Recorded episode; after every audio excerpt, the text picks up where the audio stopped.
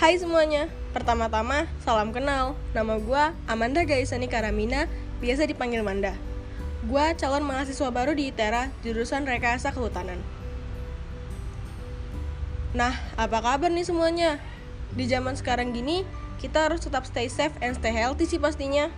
Dan jangan lupa selalu ikutin protokol kesehatan dari pemerintah.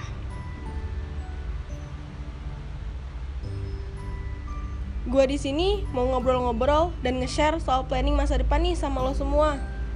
Gue jelasin dikit, bisa kali ya? Planning masa depan atau future plan itu adalah rencana kehidupan kita di masa yang akan datang. Nah, future plan ini dibagi menjadi tiga bagian. Yang pertama, planning jangka pendek, yaitu untuk 1-2 tahun ke depan. Yang kedua, planning jangka menengah, itu untuk 4-5 tahun ke depan. Yang ketiga, planning jangka panjang, itu untuk 5-10 tahun ke depan. Itu aja kali ya penjelasan awal soal future plan.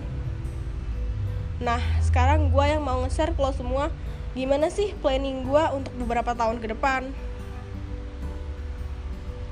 untuk planning gue 1 sampai 2 tahun ke depan gue mau fokus kuliah dan mau aktif di organisasi untuk mencari pengalaman dan memperbanyak circle pertemanan gue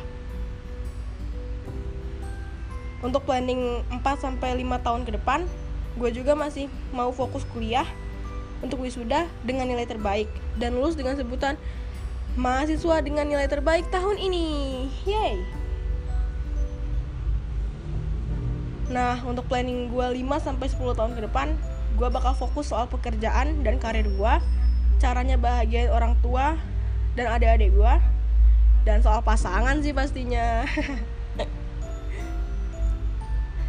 ya, mungkin ada beberapa orang yang gak terlalu suka untuk nge-planning hidupnya. Tapi bagi gue, future plan ini penting banget. Secara kita bisa mikir gimana sih kita untuk kehidupan masa depan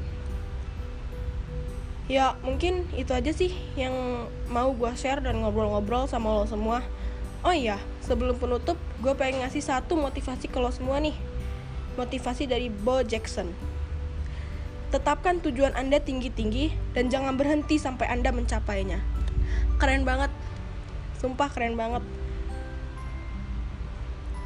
by the way thank you banget ya yang udah dengerin podcast gue sampai akhir gue harap apa yang gue share ke lo semua bisa ngasih sedikit manfaat ke lo semuanya. See you next time and bye guys.